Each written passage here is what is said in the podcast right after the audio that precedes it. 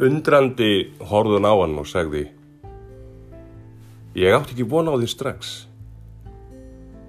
Hún fann hann að sér eins og hún vildi segja Þú ert minn. Hjá mér skaltu ætið kvíla. Það er ekki þurr þráður á þér, sagði hún og strauk honum. Þygt, dögt, hárið, lág eins og límt við sikkvort vangan, hann langaði til að hlæja. Hún vissi ekki hvers vegna. Bara hann langaði að hlæja.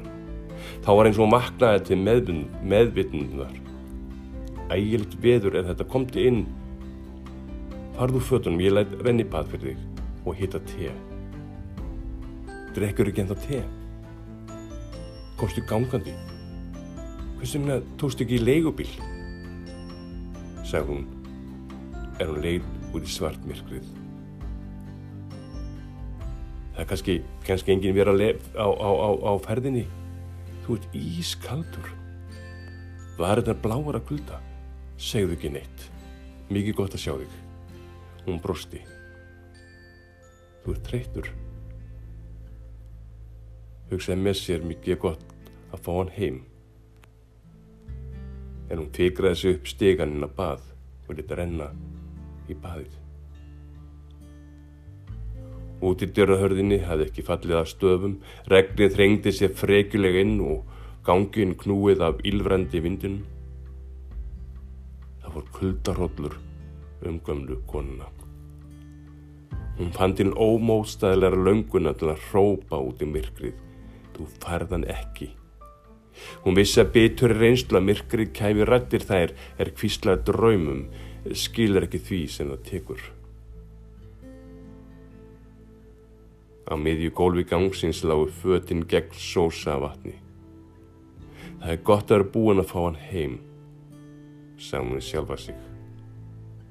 Ómur barst á ofan, hún brosti, mundi eftir einhver maður, hvað hétt gæti hún ómúlega munað. Nú ef hann sagði þá til nafs. Aðeins að hann væri frá útgerðinni og ætlaði að koma í kvöld.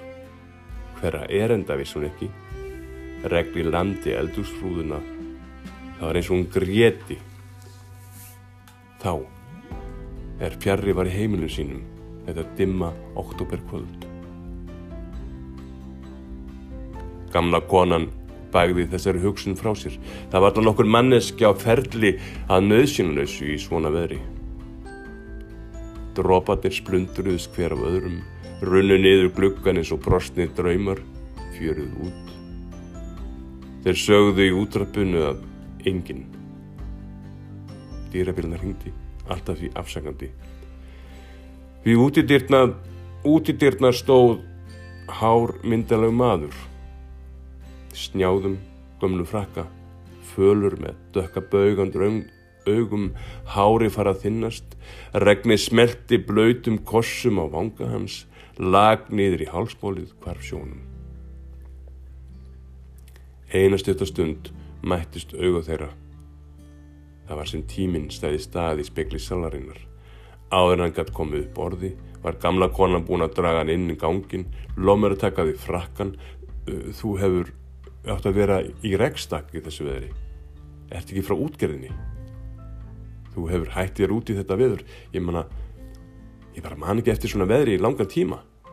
Annars er hún hljóta að gleima sagði gamla konan hló og bað aðkoman um að setjast inn í stofu með þeim orðum að hún var að heita te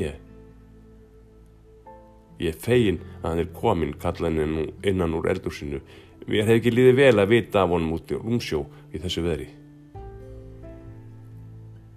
Hann, hann skellti sér í bað, hann, hann gerði alltaf þegar hann kemur heim. Aðkom maður kingaði kolli, fann hvernig varir hans þornuðu, kom ekki borði.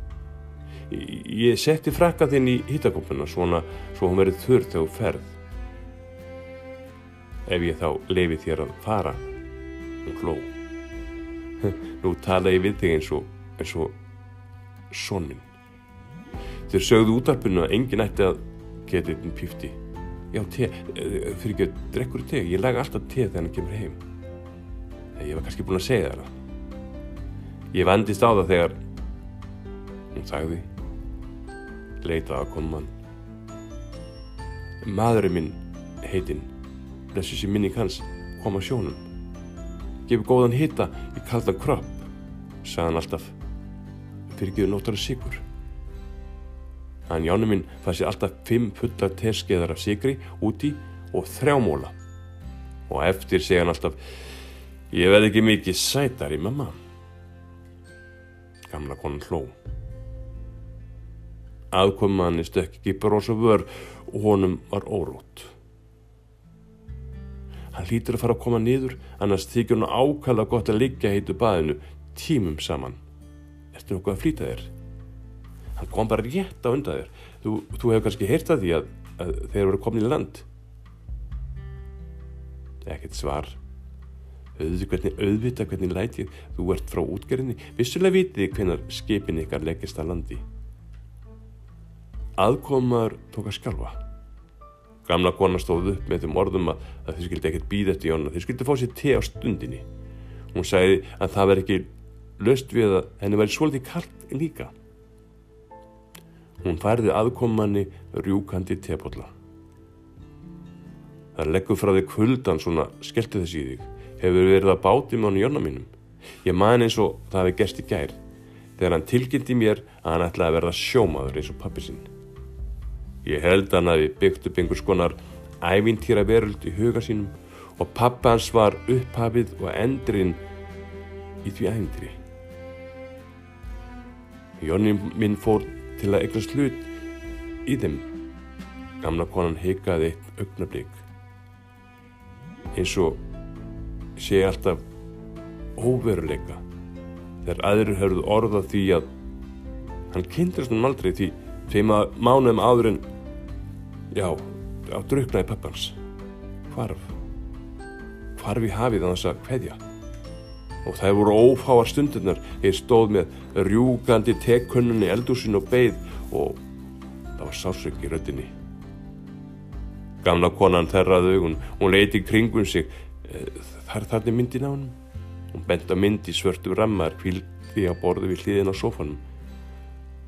Hann handleik hann oft þegar hann, hann, hann var lítill, talaði við hann, hann, hann kynnti pappa sín fyrir, fyrir vinnu sínum, sagði hann að vera ferðarlegum heimsöfun sjö og hann kæmi brátt heim.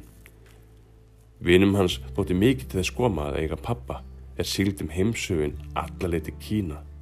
Hann skrifaði pappa sínum bref og sendiði til Kína. Ástralíu held ég líka, Japans, Englands, Spánar. En alltaf voruð sendið baka með rauðum stimpli Return to Sender skilist við sendanda. Ég gætti þess alltaf að ná þeim áður en hann kæmi heim úr skólanum og, og, uh, og skrifaði svarbref og setti í umslægið. Hún brosti á þessari minningu. Ég held mér að segja að ég eigi þau einhver staðar ennþá. Þau tekur enginn frá mér. Hún brosti fjarrænu brosi. Hann lasi síðan fyrir fjöldanallar af vinnum sínum og, og vinkonum er hlustuðu opimind á frásögu pappa hans um átök við sæskrimsli og sjáarharska hverskonar. En þau örðu leið á þessu. Þau vildi fá að sjá pappans í eigin personu. Það var ekkert sniðugt að eiga pappa sem var í nokkus konar pennavinnur. Þá var það betra hann að væri bara mennilögur skrifstofamæður en þetta aldrei í æmyndýrum. Ég held Hann hafi tekið það ákvörðin þessum árum að verða sjómaður eins og fæður hans. Ég sagði hann alltaf að pappas væri hafi druknað því þannig vildi ég hafa það hann, en hann kist hann alltaf þegar hann fór að sofa. Aðkomum að leita myndina tók hann í hendur sér. Þið voru líkir, segi gamla konan.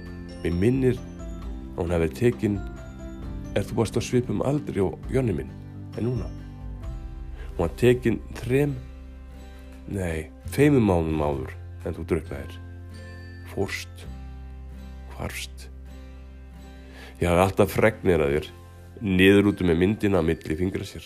Herti að fann hann hvernig sársökin gler myndarinn að brotna með lágari hvæsi tári runnu niður kvarmans fjall á slítið parkgólfið splundur eins eins og draumar ungs drengs kvarf eða fór að leita föðu síns. Hann strauk enni með erminni, lagði myndina með brostna gleðir frá sér, horða konuna þar sem hún satt svo umkomunus í stórum hægindastólunum með fjarrent blíki auga, auðsjáanlega að valdi minninga fjallæra daga. Vildi segja eitthvað en gata ekki. Þögnin var æbandi með sífrandi vindin í bakgrunni, myndi helst að grátur barnar ekki fengu að upplifa. Ég fekk brefið aftur um daginn sem ég sendi til svona míns, sá hún með hægum hreim. Leit upp, hvarmati tindruð að tárum. Aftan á því stóð, skilist til sendanda. Dýrabjallan ringdi inn rámum hljómi. Hún verður svona þegar regnir, hún afsakandi. Stóð upp, fóti dýra. Fyrir utan stóðu tveir menn, hún leita aðkomin í blöytum, frökkum og segði, ég veit, mér ber að skila hún þangað, þaðan